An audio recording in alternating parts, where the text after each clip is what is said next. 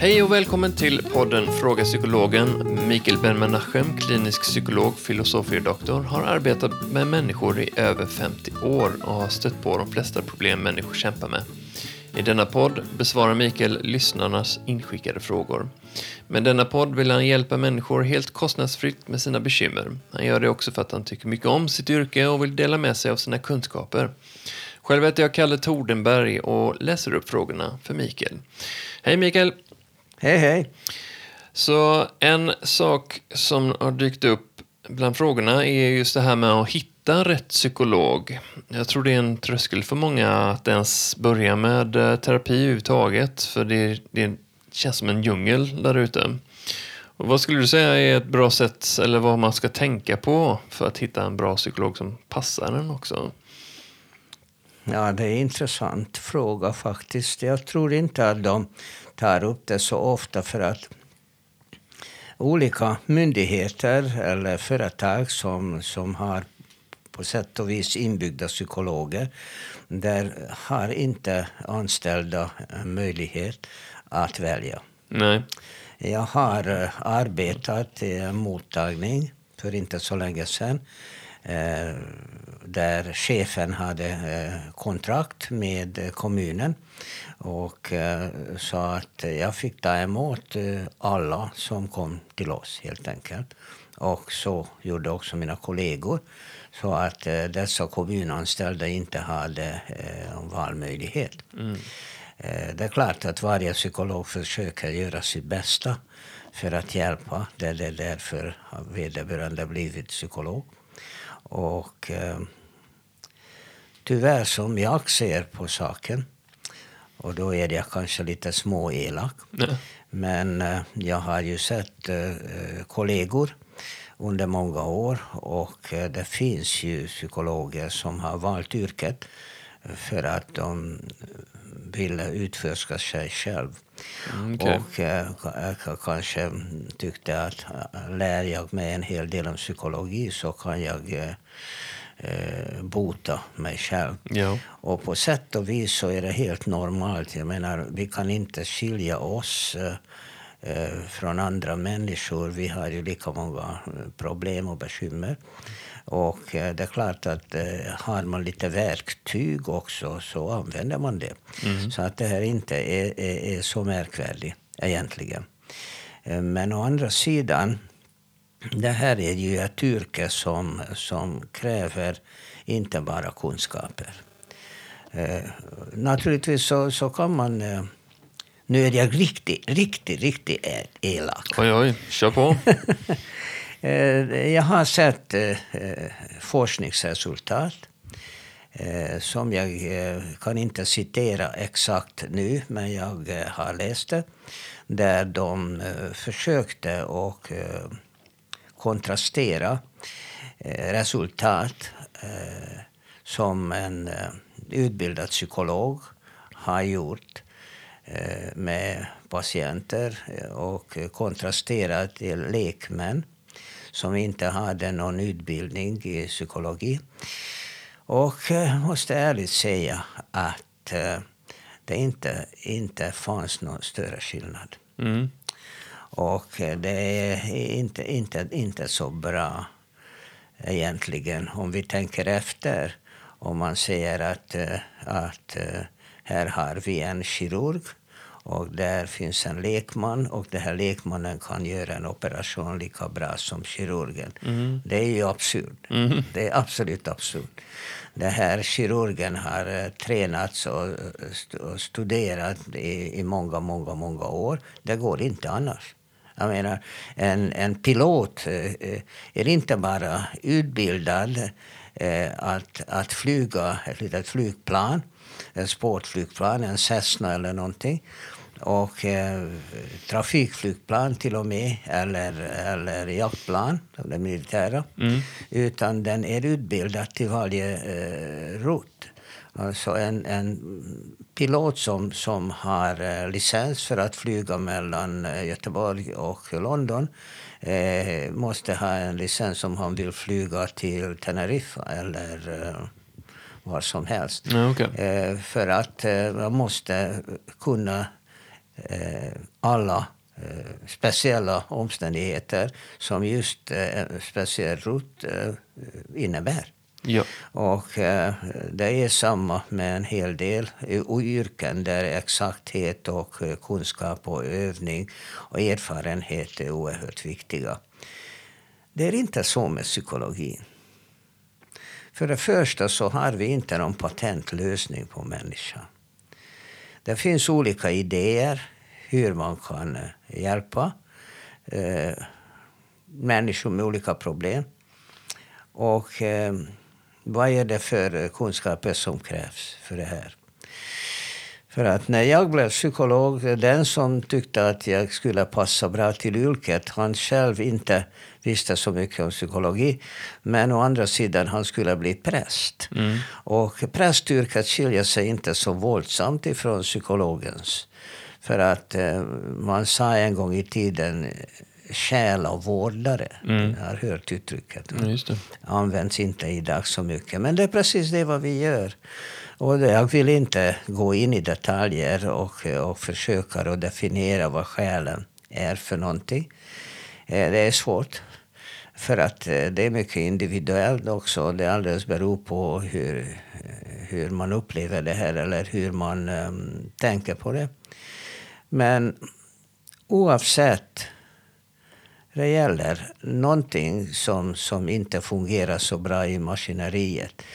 Eh, om du till exempel är mycket rädd för, eh, för vissa saker. Och vi har pratat tidigare om fobier. Mm. Om, om du har en fobi. Och vi har också definierat en, att en fobi är en överdimensionerad rädsla. Mm. Om du till exempel är rädd för att lägga handen på spisen när den är på. Den är inte en fobi. Det är en normal rädsla. Mm. Jag skulle vara en idiot om jag skulle lägga handen på en, en platta som är på. Ja. Så det här är inte något psykologiskt problem, utan det, det här är vår normala försvarsmekanism. Att vi, vi vill inte utsätta vår kropp för, för fara. Eh, men om den här spisen eh, är, eh, är vit, alltså vit färg, och, och sen börjar bli, bli mycket rädda för allting som är vitt. Ja, just det. Och då, då, då är det en fobi. Irrationellt då? Ja, irrationell rädsla eller överdimensionerad rädsla. Då är det en fobi. Och eh, naturligtvis, även om du är lekman och inte vet någonting om psykologi och du har en god vän som är rädd för vit färg Eh, så automatiskt dyker upp tanken varför. Mm. Alltså den här frågan varför, det är kanske den viktigaste frågan människan har. Och det viktigaste svaret, anser jag, som människan har, det är kanske. När man börjar studera någonting, det låter ju väldigt bra. Och man lär sig hur man räknar ut vissa saker. Är man så stolt över sig själv att man har lärt sig det här. Och allting som man eh, studerar i början av, av, av, eh, ämnesstudier. Mm. Så låter vara så, så sanna, så riktiga, så mm. äkta. Mm -hmm. Men ju mer man studerar, ju mer man lär sig, desto mindre kan man. Mm.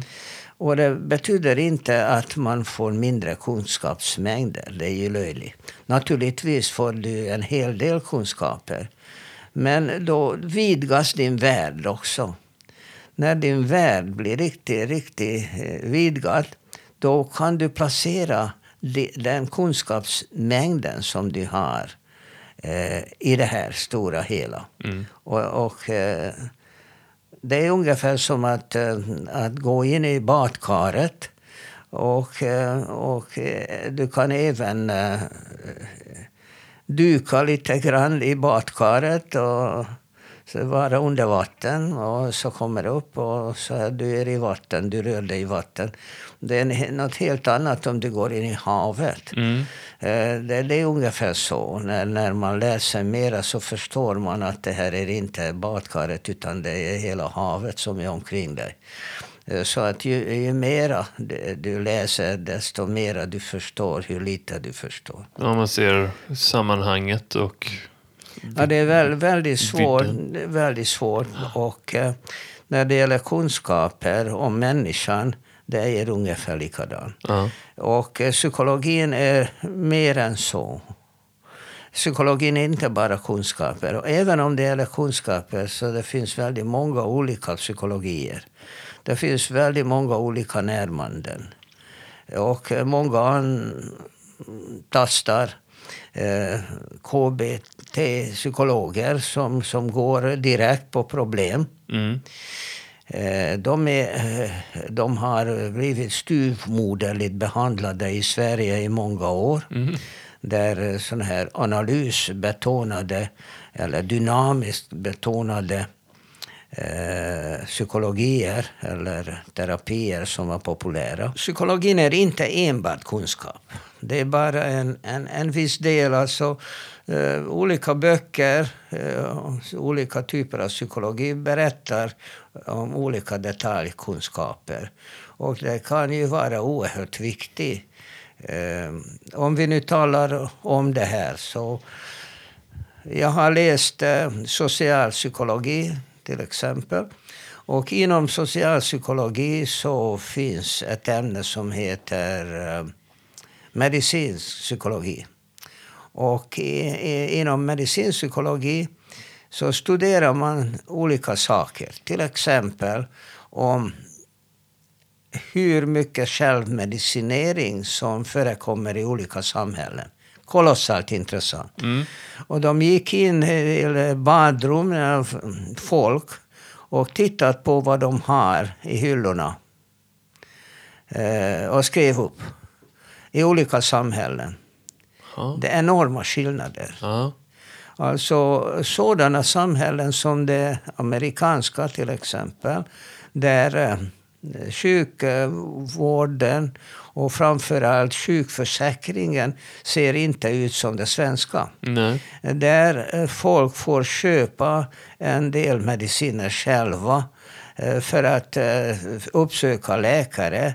Eh, I Sverige det kostar inte vederbörande eh, någonting. Just då naturligtvis så betalar vi för det genom våra eh, skatter.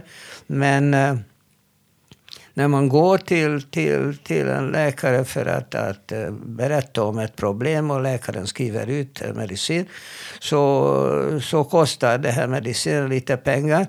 Mm, Men, eh, men man eh, slipper att själv avgöra vad är det man behöver.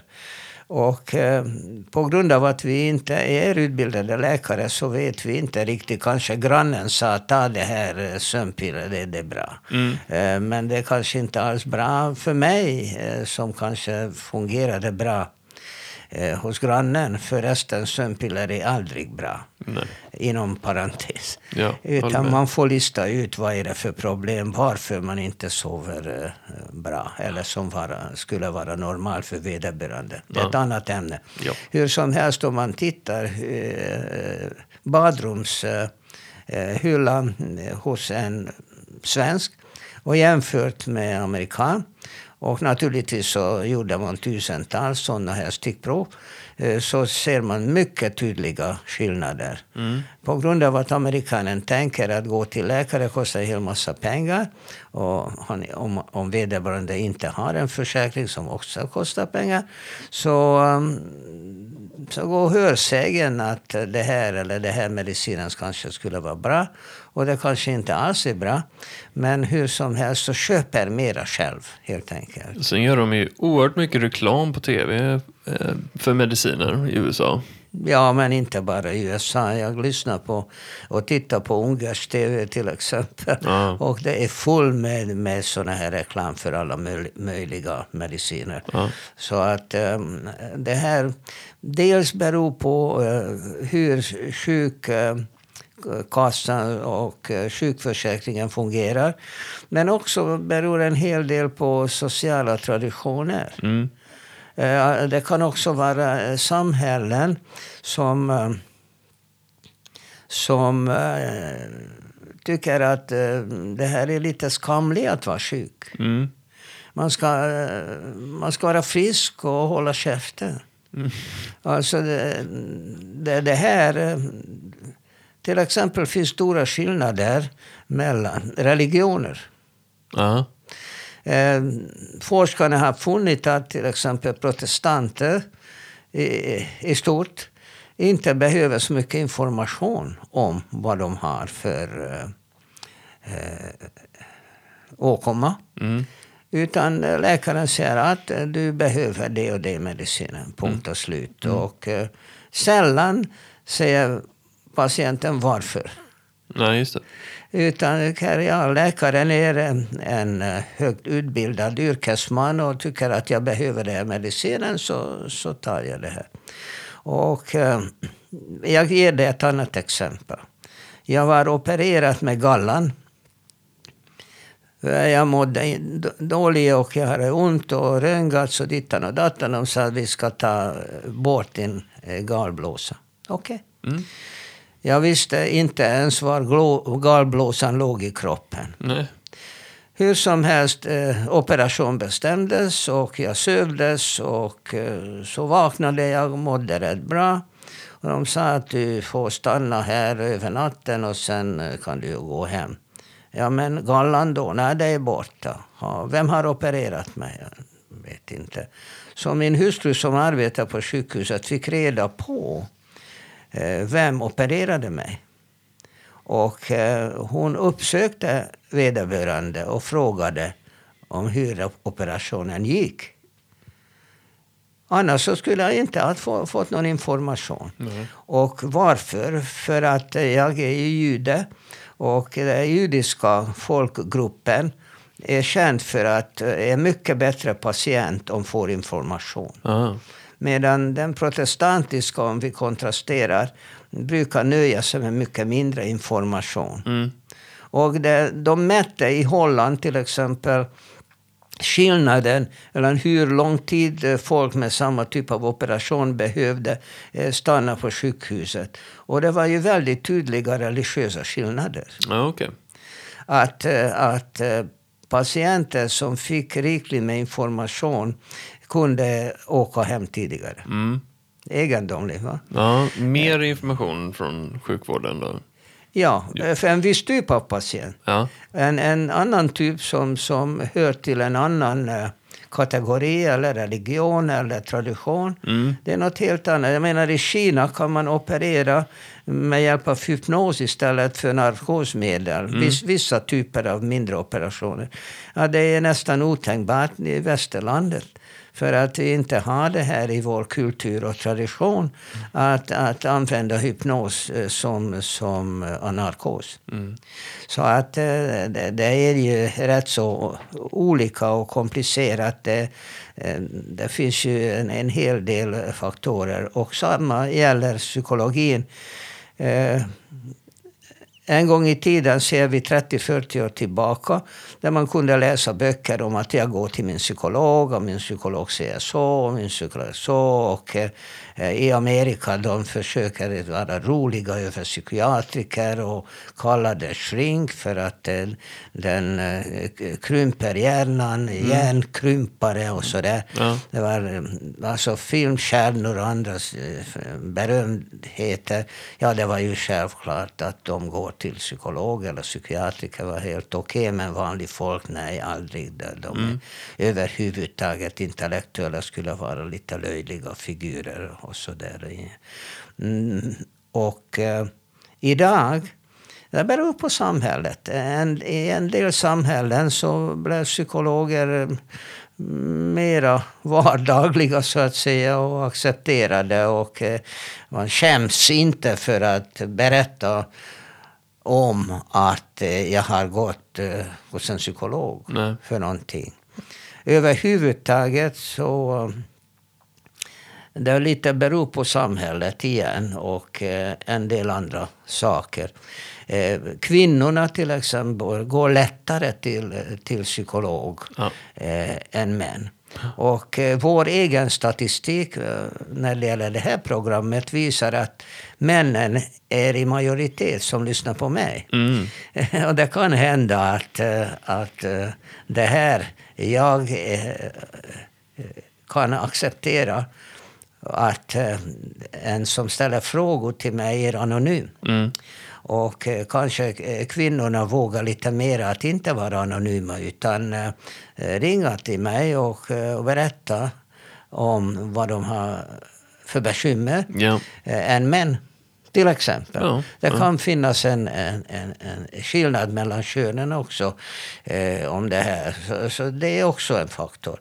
Och när man äntligen kommit fram och eh, slagit eh, numret till en psykolog, ja, ja, hur hittar man en? Ja. Och det, det, det finns ju eh, gott om. Nu även i Sverige. I, när jag började var det väldigt ont om psykologer. Nu tack och lov finns en hel del på olika ställen. Och hur ska man då välja? Ja, Efter, efter internet eller olika informationer om psykologer mm, kan man inte göra en bedömning om det här psykologen skulle vara rätt för mig eller inte. Mm. Och eh, eh, det kan ju vara precis vad som helst som, som gör att en patient eller klient och jag skulle passa ihop. För att eh, psykologin är inte enbart kunskap, inte enbart mina kunskaper om människans psyke som gäller. Det här är också kommunikation. Det är eh, kroppskemin. Alldeles beror på om jag är sympatisk för, för, för en patient när han träffar mig första gången Mm. och tycker att det är en osympatisk typ och eh, kanske frågar för mycket eller vad vet jag vad. Och eh, vill inte öppna sig till något som, som in, inte lyckats eh, eh, visa att de verkligen eh, varit intresserad av vederbörande. Det, det kan ju vara mängder med saker. Jag har under alla mina år fick de flesta av mina patienter genom eh, rekommendationer. Ja. Att eh, andra som har varit hos mig och tyckte att eh, jag var bra. Och eh, bra betyder att vi fick en bra kontakt. Inte så mycket om mina, mina kunskaper egentligen. Nej. Men det, du berör någonting som, som jag också tänkt på, just eh, personlighet är så viktigt mellan en eventuell patient och, och terapeut. Att det klaffar eh, med personkemin. Och den är ju svår att sådär, känna efter för en, några sessioner kan jag tänka mig. Är det inte så? Ja, så det, det beror också väldigt mycket på vad vederbörande har för eh, ambition. Mm. Eh, för att eh, när någon kommer till mig, eh, första mötet, så brukar jag säga till vederbörande att eh, oavsett om jag förstår exakt vad du har för problem, redan det att du har ringt och bestämt tid och kom till mig, inte alla som ringer, inte alla som bestämmer tid kommer. Mm. En del ändrar sig eh, på vägen. Men om han ringt mig, beställt tid och kom, det redan visar att du verkligen hör till en mycket speciell grupp av mycket am, ambition, am, eh, ambitiösa människor. Det redan det lyfter dig ur mängden. Mm. De flesta tror att "Nej, nu går jag till psykolog för att jag har problem, tyvärr. Och tänk Elsa, vår grannfru, hon är bara tjohej, har aldrig några problem. Då brukar jag alltid säga, hur vet du det? Hur vet du det att Elsa inte har några problem? Mm. Det har du inte en aning om. Att hon säger tjohej sådär, hej, hej. Sådär. Hur vet du det? Hur vet du det? Vet inte om det. Men jag vet att du hör till en elitgrupp. En mycket, mycket liten procent av folk för att vem som helst eh, kan ha problem. Alla har problem. Ett problem betyder någonting som eh, du skulle gärna fixa eller lösa eller göra men av någon anledning du inte kan. Men det betyder inte att du är dålig på något sätt för att jag är helt säker på, utan att ens veta någonting om det, att en bra över 90 procent som du gör är okej. Okay. Mm. Så att eh, eh, de här problemen är ofta i det här lilla eh, procenttalet. Men på grund av att eh, du, kan, du är så bra överhuvudtaget så den här lilla grejen växer i dina tankar. Mm. Och tänker mycket på det. Men så lever de flesta människor. De dör inte av det, utan de accepterar det här, en sorts handikapp. Och sån är jag, lever med det. Sådär. Mm. Mm. Och du hör till en liten grupp människor som inte accepterar det här. De har en högre ambitionsnivå och eh, mer aptit på livet. Så redan det, utan att vi har eh, sagt så mycket, du är redan i den här elitgruppen. Mm. Både när det gäller hur eh, accepterat är det att gå hos en psykolog? Hur är det att, att berätta om något som, som hittills det var din egendom, som, som var hemligt? Eh, du, som var, du var rädd för att eh, de skulle, andra skulle kast, skratta ut dig. Eh, om du vågade berätta om mm. det. Att du har redan ringt och kommit och berättat. Fy, mm. Det här är inte många som vågar göra. Så betrakta det inte att jag är en stackare med problem, utan tvärtom. Mm. Du hör till en mycket, mycket speciell grupp med stor ambitionsmängd. Mm. Mm. Så är det bara. Och sen så beror det på hur, eh, hur de, ni två passar ihop. Och jag, jag brukar alltid säga till patienten, du inte känner att du är bekväm hos mig, säg bara det. det. Vi kanske inte passar ihop. Och det händer då och då. Inte ofta, men det händer. Och jag är tacksam för det. För att det skulle ändå inte eh, fungera.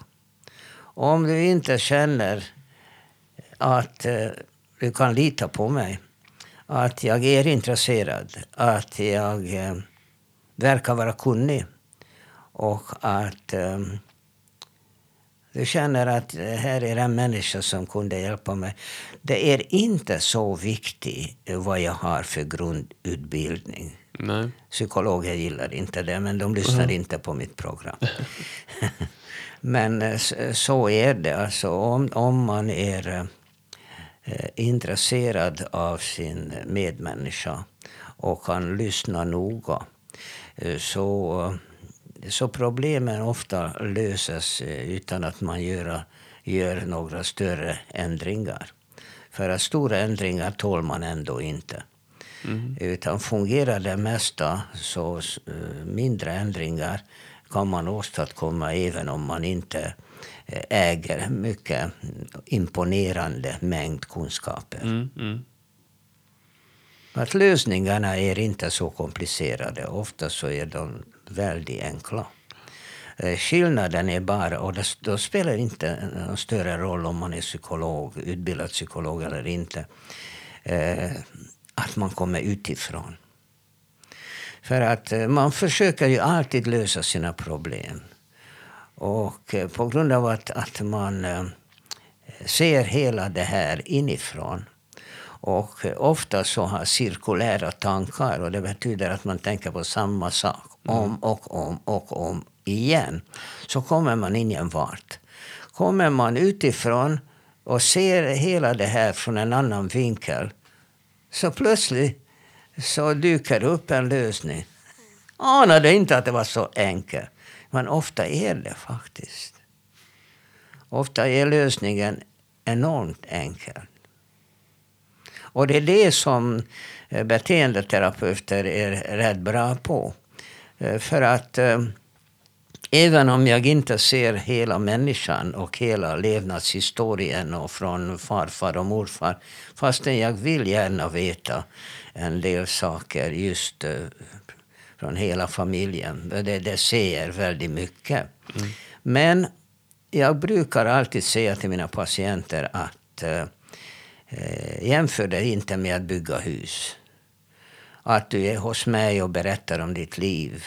Det berättar inte så som man bygger ett hus. Det innebär att du behöver eh, ta, eh, taktegel och vanlig tegel och murbruk och spikar och virke och vad vet jag vad. Mm. Har du allting men inte spik, funkar inte. Nej. Om du har all murbruk och virke och spik men inte tegelstenar, går inte. Så du måste ha all byggnadsmaterial för att börja bygga. Och terapin funkar inte på det sättet. Utan när du börjar berätta om ditt liv, eh, det är lite beror på terapier faktiskt. För att det finns typer av terapier där du får prata om vad du vill. Mm.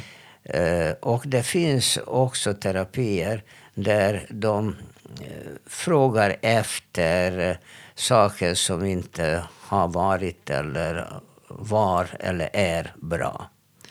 Att gräva. Det, det avskyr jag som pyton. Mm. Det var en underbar eh, kvinna som hette Karin Thorén i Göteborg, terapeut. Eh, när jag kom till Göteborg för många år sedan. Och eh, jag gick till henne och ville lyssna på hur hon jobbar. Och eh, hon träffade en patient och vederbörande berättade om eh, sitt liv till henne och vad eh, hon eller han hade för bekymmer. Och nästa gång så började Karin prata om något helt annat. Och jag frågade henne efteråt, ville du inte höra mer? Nej, herregud, sa hon, jag orkar inte lyssna på det här mera. Hon visste redan var skon klämde och eh, vill inte gräva. Mm. Eh, jag gräver, men jag gräver på ett annat sätt. Mm. Om vi nu säger att jag frågar eh, någon eh, hur var det när du började skolan? Du var sju år gammal. Okej. Okay. Och eh, det är en som, som gräver felaktigt så skulle jag fråga vad var det för problem du hade där i skolan? Mm. Vad var det för svårt för mig? Vad var det som, som du inte klarade av? Vad var du rädd för? Mm. jag börjar bli sjuk just nu. Jag menar, ja. det går inte. Eh, jag kan inte arbeta på det sättet. Jag drar ner patienter i gyttjan. Mm. Utan jag frågar henne, eh, vad tyckte du om att göra där i början? Och så säger han, jag, jag, jag tyckte om att, att läsa. Ja, vad tyckte du om att läsa? Alltså jag, jag hon berättar i och för sig mm. eh, om allt som har hänt då i första klassen. Men jag styr henne hela tiden åt det positiva hållet. Alltså jag frågar efter vad du var bra på, vad du tyckte om, vad du var duktig på och så vidare. Mm. För att det fanns ju en hel massa information kring alla händelser.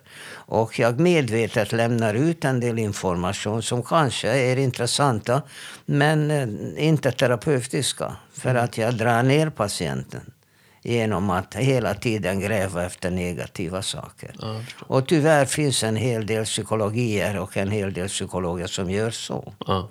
Inte som Karin Thorén. Det räckte för henne en enda gång. Mm. Och hon var en mycket framgångsrik terapeut faktiskt. Och det var i 60-talet. Så det här är inte något nytt. Eh, men det lite beror på vad det är för skola som man hör till. Det finns eh, terapeuter som sitter bekvämt och lyssnar på mm, vad patienten har att berätta utan att avbryta, utan att ställa frågor, utan att styra på något sätt. Det är också en teknik. Mm. För att patienten tycker att uh, jag har nu varit så många gånger här hos terapeuten och uh, inte, inte berättat om vissa saker och uh, försöker inte tvinga mig att göra det. Så, så kanske tycker att det börjar kosta för mycket pengar också och börjar sjunga ut. Jag har haft såna erfarenheter. Mm. Jag hade en patient, jag glömmer aldrig. Det var olika sorters symptom. Eh, och jag bad vederbörande att börja berätta från början. Han var liten. Och han höll på och höll på och höll på och eh, lät det hela okej. Okay. Jag begrep inte riktigt vad han hade för problem, men jag sa inte det naturligtvis. Mm. Så jag hoppades att det, det, kanske dyker upp. Det tog honom nästan ett år wow. att berätta för mig att han hade sexuellt umgänge med sin mamma. Oj! Aha. Ja. Att ni höll i så länge också?